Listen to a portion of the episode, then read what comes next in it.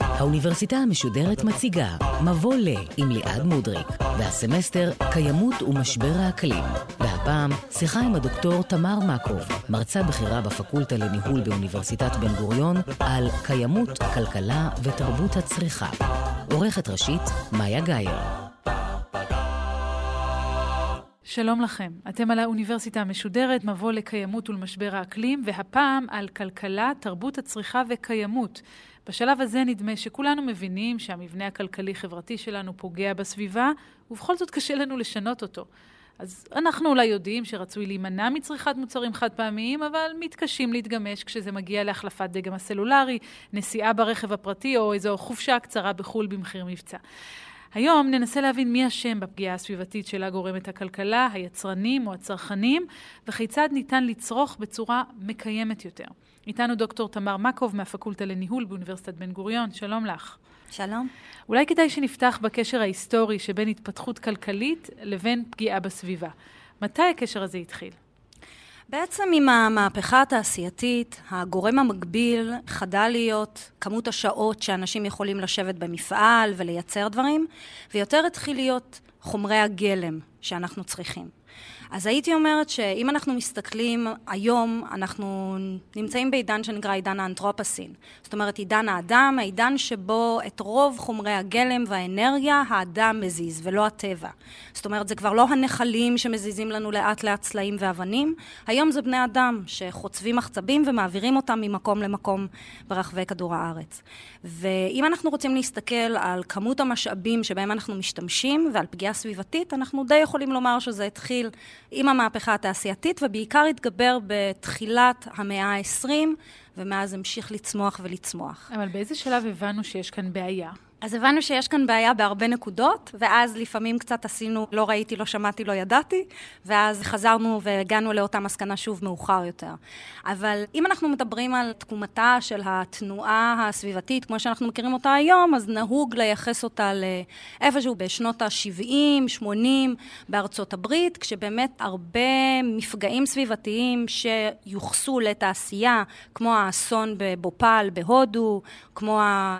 דליפת נפט של האקסון ולדז, שהיה לה הרבה מאוד כותרות בעיתונים בארצות הברית, אז הם בעצם מינפו את התנועה הסביבתית, היו גם סיפורים על The Finger Lakes, אגמים בצפון ארצות הברית, שליטרלי עלו באש, בגלל ששפכים של מפעלים הגיעו אליהם.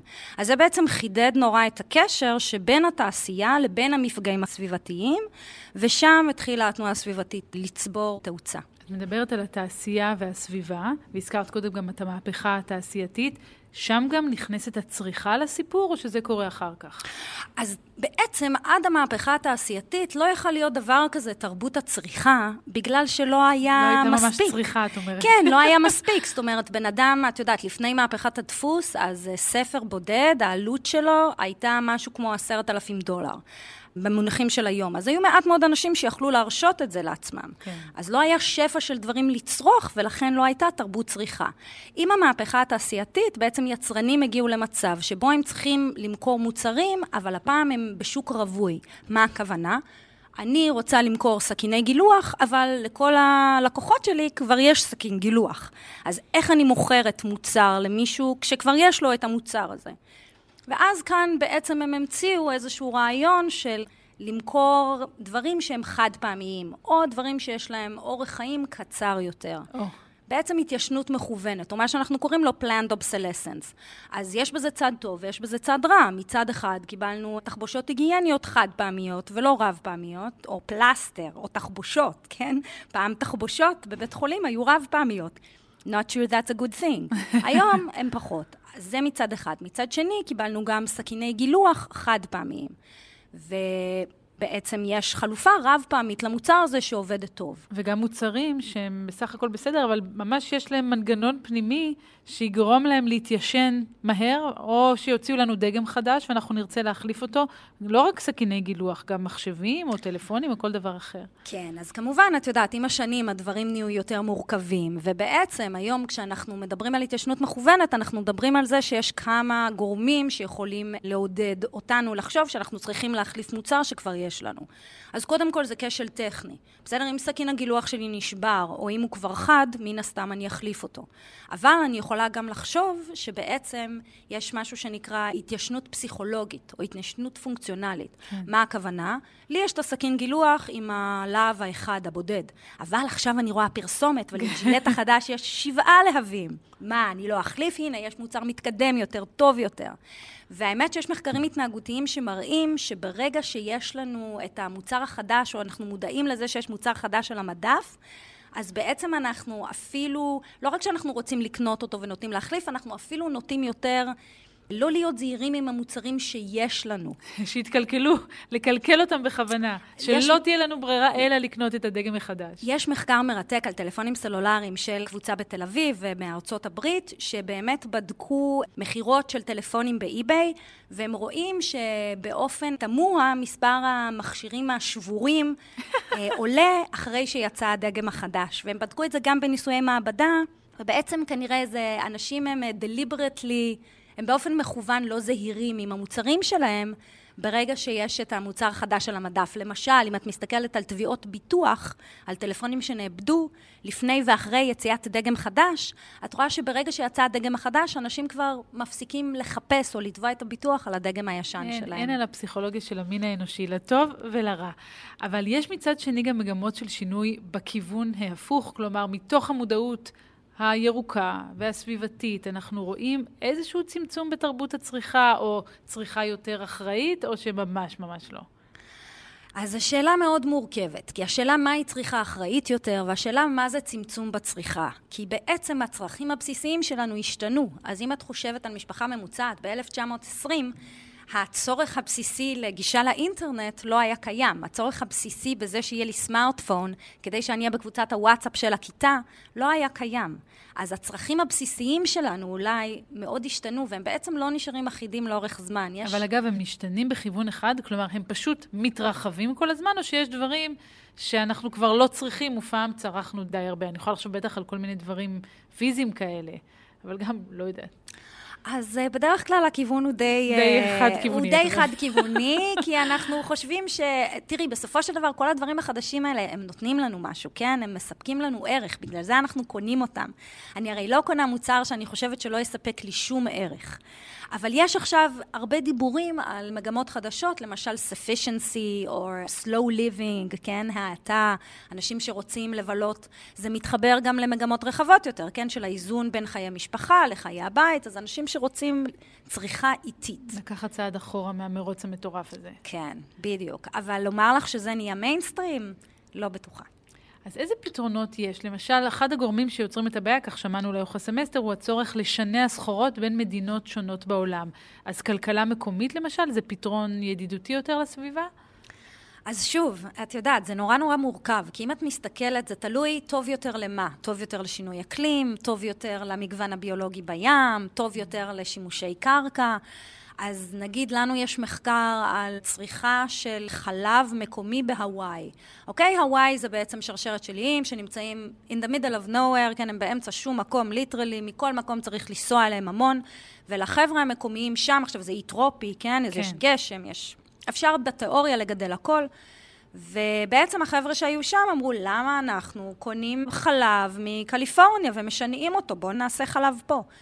אבל בעצם את מבינה שכדי לגדל פרות בהוואי, את צריכה גם להביא להם אוכל, ואת צריכה גם להביא להם מים, ואת צריכה להביא להם את כל הסחורות. אז ברגע שאת לא עושה כלכלה מקומית, ואת בעצם מייבאת חצי מהדברים שאת צריכה בכל זאת, הכלכלה המקומית לא באמת עוזרת. אז זהו, זה מה שאני מבינה לאורך הסמסטר הזה, שאין מתכון להצלחה. לא. זה באמת מורכב, ותלוי במצב ותלוי בהקשר. אז איך מישהו כמוני... ידע מה לעשות. נניח צמחונות, קנייה מיד שנייה, זה את כן ממליצה בכל פה או גם לא בהכרח? אז יש כמה דברים שיכול להיות לנו לגביהם כללי אצבע. אז רק אני רוצה לחדד לגבי מקומי. מקומי, במיוחד כשאנחנו מדברים על מזון, זה נורא לא רלוונטי, כי השינוע הוא לא עד כדי כך משמעותי. מה שמשמעותי יותר זה הייצור של המוצר. אז מה שהכי משנה לי פה, זה לא אם הגזר הזה נווט בקרקע הישראלית או בקרקע בתאילנד, אלא איפה מערכת הגידול, איפה החווה יותר יעילה כן. בשימוש מים וקרקע. אני מבינה. אז לצרוך מקומי דברים שצורכים הרבה מים בישראל, וואלה, לא יודעת, אוקיי? עכשיו לגבי כללי אצבע. אז מקומי, לא הייתי אומרת שזה כלל אצבע. אם אני חושבת על סביבה, כן? אבל כללי אצבע לגבי צמחונות, אז צמחונות כן. ברוב המקרים צמחונות זה באמת יותר סביבתי, בגלל שכמעט ברמה של כל מערכת זה פשוט יותר יעיל לאכול את התירס ישירות, מאשר לגדל את התירס, לתת אותו לפרה, לחכות שהיא תהיה בת שלוש, ואז לאכול אותה, כן? כאילו בסוף היא מסתובבת, היא זזה, עדיף לנו לקחת אותו ישירות אלינו. אז צמחונות כן. יד שנייה, גם כן, נורא תלוי. נורא תלוי מה. נורא תלוי אם אחרת הייתי קונה את המוצר או לא הייתי קונה את המוצר. אז אם ממילא הייתי קונה משהו וממילא אני צריכה נעלי התעמלות חדשות, פנן, יד שנייה, מעולה. אבל אם אני עכשיו נכנסת לחנות יד שנייה ומרשה לעצמי לקנות... אוספת מכל הבא ליד. בדיוק, רק כי זה יד שנייה, אז אחר כך אני צריכה לזכור שהבגדים האלה, אני מכבסת אותם. יש להם עוד תשומות שמשפיעות על הסביבה. זה לא רק הייצור. אבל כאילו, יודעת, אני שומעת אותך ואומרת, אוקיי, אז מה, לא לחיות פשוט, לא, לא, בוא לא נכבס, בוא לא נאכל, בוא לא נזוז. איך מתנהלים בתוך המרחב הצר הזה? כי כל מה שאני עושה פוגע בסביבה. חד משמעית. כל מה שאת עושה, יש לו השפעה סביבתית. לא הייתי אומרת שהוא בהכרח פוגע, הייתי אומרת שיש לו השפעה. אז עכשיו השאלה היא באמת, עד כמה את צריכה יותר? עד כמה את צריכה את הבית הענק? לומר לך את הדברים המשפיעים ביותר, תחבורה, הבית שבו את גרה והמזון שבו את אוכלת. אלה הדברים הכי קריטיים. אז אם את שואלת אותי האם לנסוע ברכבת זה יותר טוב מאשר לנסוע באוטו, תמיד. כן.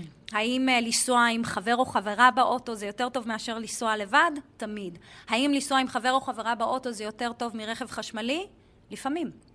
אוקיי? Okay? אז בעצם זה לא המוצרים שאנחנו קונים, זה איך שאנחנו משתמשים בהם ומה אנחנו עושים איתם. אז את רוצה עצות צרכניות? תכבסי את הג'ינסים שלך כל עשר לבישות, ולא כל פעם אחת. תפעילי את המדיח כשהוא מלא. תיסעי ברכב עם חברים. יש גם את הטענה שאני צריכה להביא פחות ילדים כדי לשמור על כדור הארץ.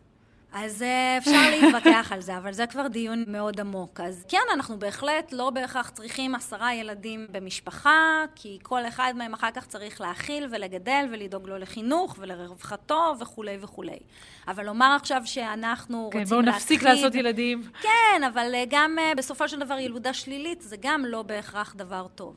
אז כאן יש תשובות לכאן ולכאן. דיברנו הרבה על האחריות שלנו, הצרכנים.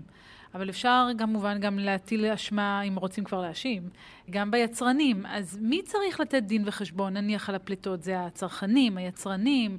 מה לגבי הרגולציה? אולי היא זאת בכלל שאשמה? אז זה שאלות נורא נורא חשובות וטובות, ובאמת, יש לנו היום כל מיני כלים שבעזרתם אנחנו מקמטים את ההשפעות הסביבתיות של כל מיני דברים, ממוצרי צריכה ועד שירותים אגב.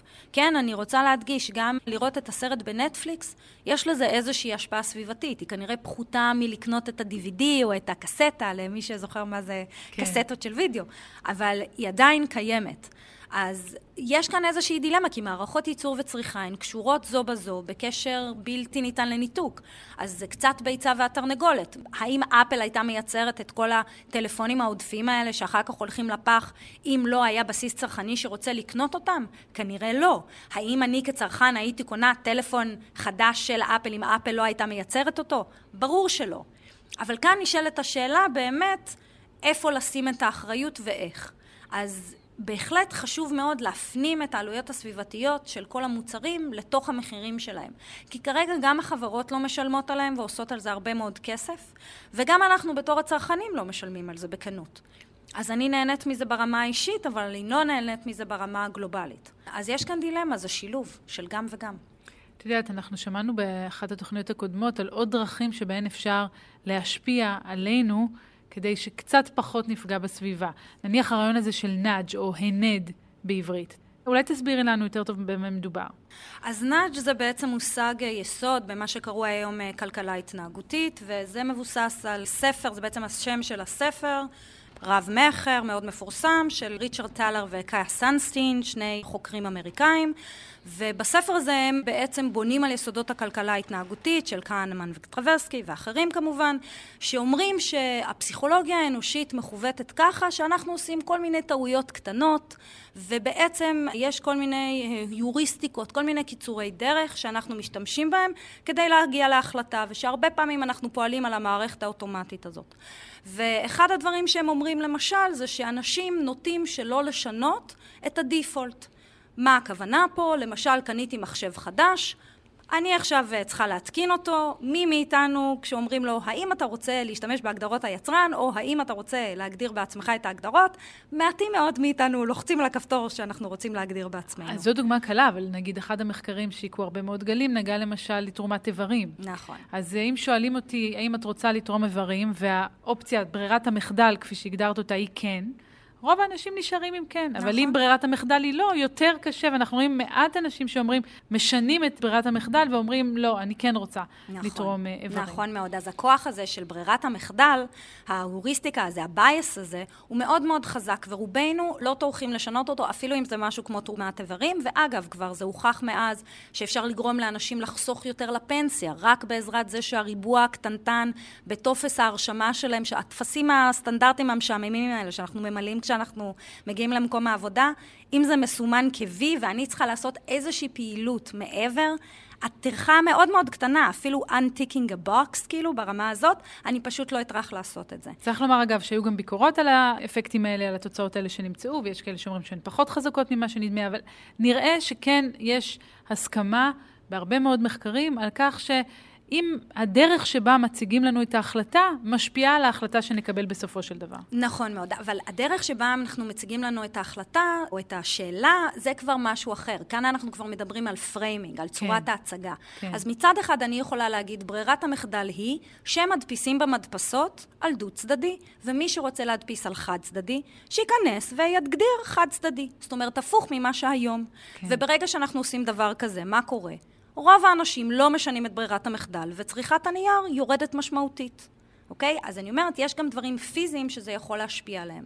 עכשיו את מדברת, גם הצורה שבה אנחנו מציגים שאלה או מציגים איזושהי אפשרות, גם היא כמובן יכולה להשפיע. למשל, אחת הדוגמאות הקלאסיות זה ששואלים אנשים, עד כמה אתה רוצה הסכם שלום? ויש שתי אופציות, בהינתן ש-90 אחוז ההסכם שלום הזה יחזיק מעמד עכשיו לנצח, או 10 אחוז, שגם אחרי הסכם השלום תהיה מלחמה. אז כמובן שהתשובות הן מאוד מאוד שונות. מה לגבי שיימינג? אני בעד שיימינג. מה דעתך? שיימינג סביבתי.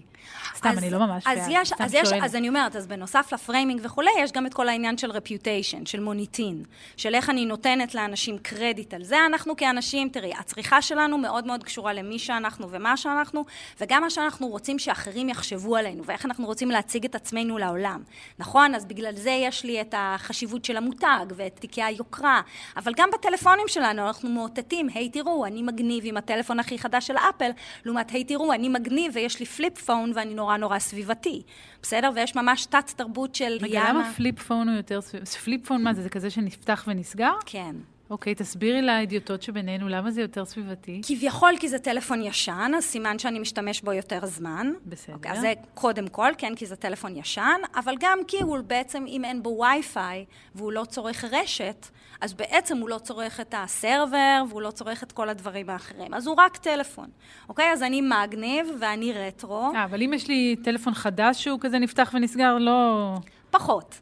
אבל עדיין כשאני מניחה אותו על השולחן זה משהו אחר, אבל זה באמת, יש איזשהו signaling, נכון? אנחנו יכולים לעשות signaling שאנחנו בבגדים שהם וינטג', אנחנו יכולים לעשות signaling שאנחנו סביבתיים עם הכוס קפה הרב פעמית שלנו, או בבית הספר לסביבה ב Yale, כשאני לובשת את המעיל של פטגוניה, שזה התלבושת של כל החבר'ה שם. אז זאת אומרת, זה שאני נגיד לובשת בגדים מלפני 20 שנה, היום במקום להגיד היא אביונה, לא אכפת לה מאיך שהיא נראית, או מוזנחת, יגידו היא שומרת על הסביבה. תלוי. אהבתי. תלוי, אה, תלוי. אבל יכול להיות. זאת אומרת, זה תלוי איך את מציגה את זה, אבל לגמרי יכול להיות, כן.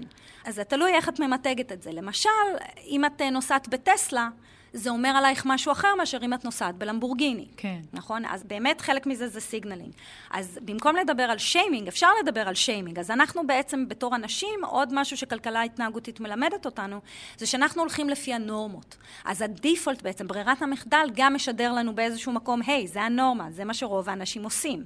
אבל, למשל, אפרופו קורונה, המחקר ביפן הראה שהפרדיקטור הכי טוב להאם אנשים, המנבא הטוב ביותר להאם אנשים יסתובבו עם מסכה כן או לא, כן, וזה יפן. כן. הם אוהבים חוקים, הם מקשיבים לחוקים, אבל המנבא הטוב ביותר להאם אנשים יסתובבו במרחב עם מסכה, היה כמות האנשים האחרים שהם ראו עם מסכה.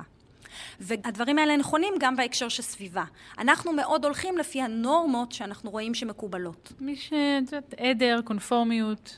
עדר וקונפורמיות, אבל במקרה הזה הוא יכול לבוא טוב. אז זה יכול להיות מה שנקרא בארצות הברית Keeping up with the Joneses, כן? למה תרבות הצריכה הלכה והתעצמה?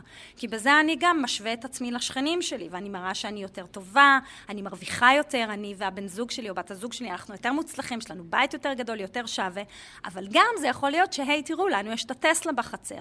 אז אנחנו גם יכולים לסמן לאנשים שאנחנו טובים יותר או פחות ביחס אליהם, בעזרת מה שאנחנו עושים. אז אפשר להשתמש בזה כדי לשכנע אנשים, או כדי לרתום אותם לדפוסי צריכה ירוקים יותר. למשל, מחקר נורא מעניין של ארז יואלי ודייב רנד ואחרים, שבעצם הראה ש... אם אנחנו מנסים לרשום אנשים להשתתף באיזושהי תוכנית סביבתית, ברגע שאנחנו עושים דפי רישום גלויים בבניינים שרבי קומות... כך שכולם רואים מי נרשם. בדיוק, אז זה הרבה יותר אפקטיבי מאשר כשהפרטים שלהם הם סמויים, או אפילו מתמריץ כלכלי של 100 דולר. מעניין. או 125 דולר. אז זה היה הרבה יותר אפקטיבי, כי בעצם התועלת שאנשים מקבלים ממוניטין היא יותר גדולה. אבל כמו שאת אומרת, יש גם את ה flip side, יש גם את הצד ההופכי. שלפעמים אנשים רוצים להשתמש במוצר מסוים כי הם חושבים שהוא יותר טוב, אבל בגלל שלא נעים להם, הם אולי יעשו משהו אחר. אז יכול להיות שאני אזכור להביא את השקית הרב פעמית שלי לניצת הדובדבן, כי אין לי פרצוף להיות שם עם שקית חד פעמית. אבל זה גם יכול להיות שאם אני בניסוי נורא מעניין מסין, בשנת 2010, המאמר הוא מ-2010, המחקר היה מתישהו באזור הזה, וזה היה בדיוק התקופה של שפעת העופות, שהייתה מגפה רצינית וכולי. אז דמייני קפיטריה של אוניברסיטה גדולה בסין, שיש מלא מלא שלטים, תשטפו ידיים, תשטפו ידיים, שימו מסכות, כן, כן. כאילו, קורונה של היום. והמדענים שם עשו ניסוי נורא מעניין. היו שני מיכלים של hand sanitizer. כן, מחטא ידיים. ידיים. אחד מהם היה עליו מדבקה שסימנה שהמוצר הזה הוא מוצר ירוק, והשני היה המוצר הרגיל. והם בדקו שתי סיטואציות באותה קפיטריה, ובמקרה אחד יצא להם שרוב האנשים בחרו במחטא הידיים הרגיל, ובמקרה השני רוב האנשים בחרו במחטא הידיים הירוק. מה הבחין בין המקרים? במקרה אחד, מי שמדד מי משתמש באיזה מחטי ידיים, ישב מאחורה ועשה את עצמו כאילו הוא מתעסק במחשב.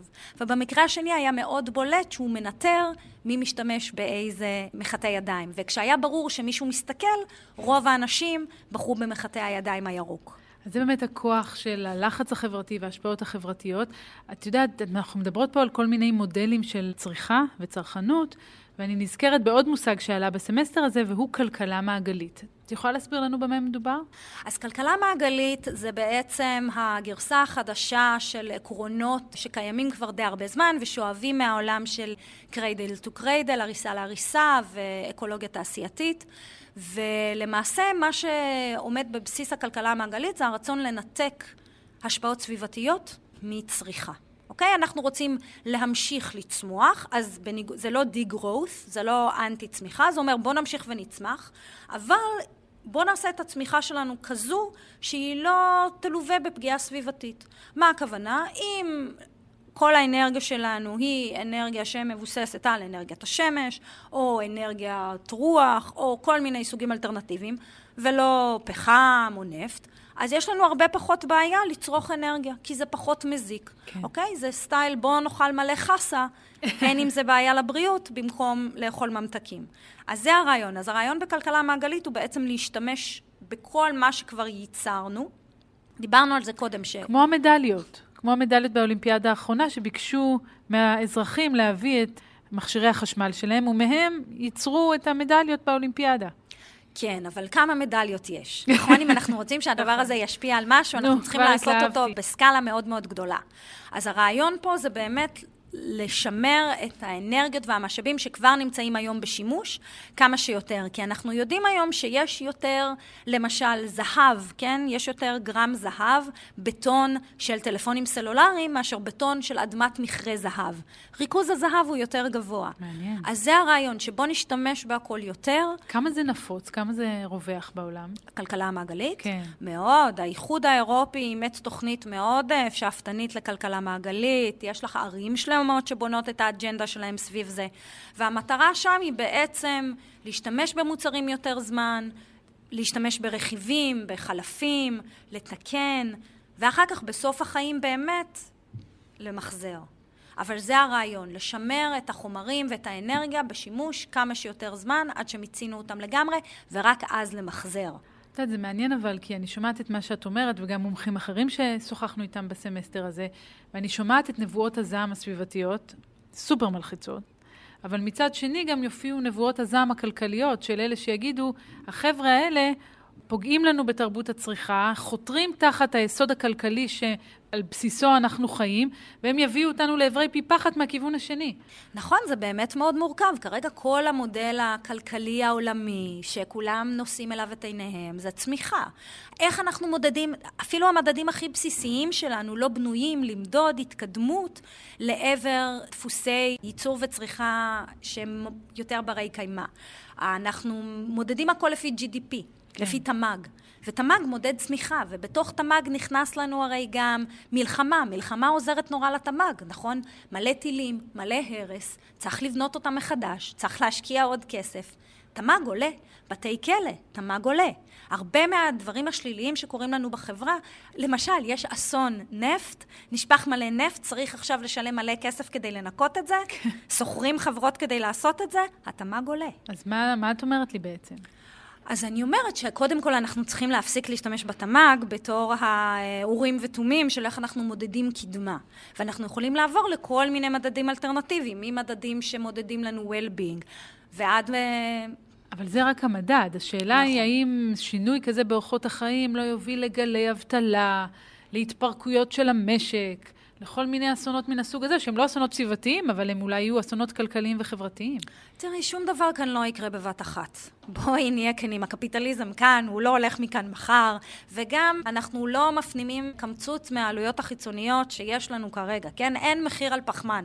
אנחנו כולנו יודעים שפחמן מזיק לסביבה, שהעלויות הולכות להיות קטסטרופליות, שהן עולות לנו כבר היום הרבה כסף לטפל בשריפות, לטפל בהצפות וכולי וכולי. זה לא במחיר. אז אנחנו אפילו את זה עוד לא הכנסנו למערכת השיקולים שלנו. אז הנבואות האפוקליפטיות, מזה שהכלכלה כאן תקרוס, בואו, בואו נמתין עם זה רגע, נראה את השינויים ונגיע למסקנה. אבל את באמת רואה היום, בעקבות הקורונה, לא יודעת, אני, יש בי קצת תקווה שאולי הקורונה קצת זעזעה את היסודות.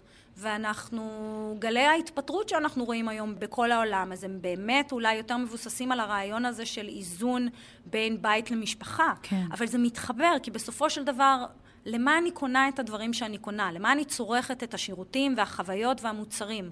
אני צורכת אותם כי בסופו של דבר אני רוצה שהם יספקו לי איזושהי תועלת, שהם ישפרו לי את איכות החיים. נכון? ועכשיו השאלה היא, מהי איכות חיים בעינינו? האם איכות חיים זה בית של אלפיים מטר רבוע, וכך אני מגדירה את איכות החיים שלי, או שיש לי בעצם את אותה איכות חיים גם בבית של, את יודעת, 120 מטר רבוע, אבל דברים אחרים. אז זו באמת כאן השאלה, עד כמה הצריכה באמת תורמת לנו לאיכות החיים, ואנחנו רואים שמעל הכנסה מסוימת, עוד כסף ועוד צמיחה כבר לא באמת משפר את האיכות חיים של אנשים, ושם בדיוק נשאלת השאלה, איפה אנחנו משנים, איך אנחנו משנים. ואני דווקא אופטימית לגבי ה... הזרמים החדשים של צרכנות אלטרנטיבית שאנחנו רואים. אם את אופטימית, אז סיימנו בחיוך. אני רוצה מאוד להודות לך על השיחה המרתקת הזו, דוקטור תמר מקוב מהפקולטה לניהול באוניברסיטת בן גוריון. תודה רבה לך. תודה רבה לכם.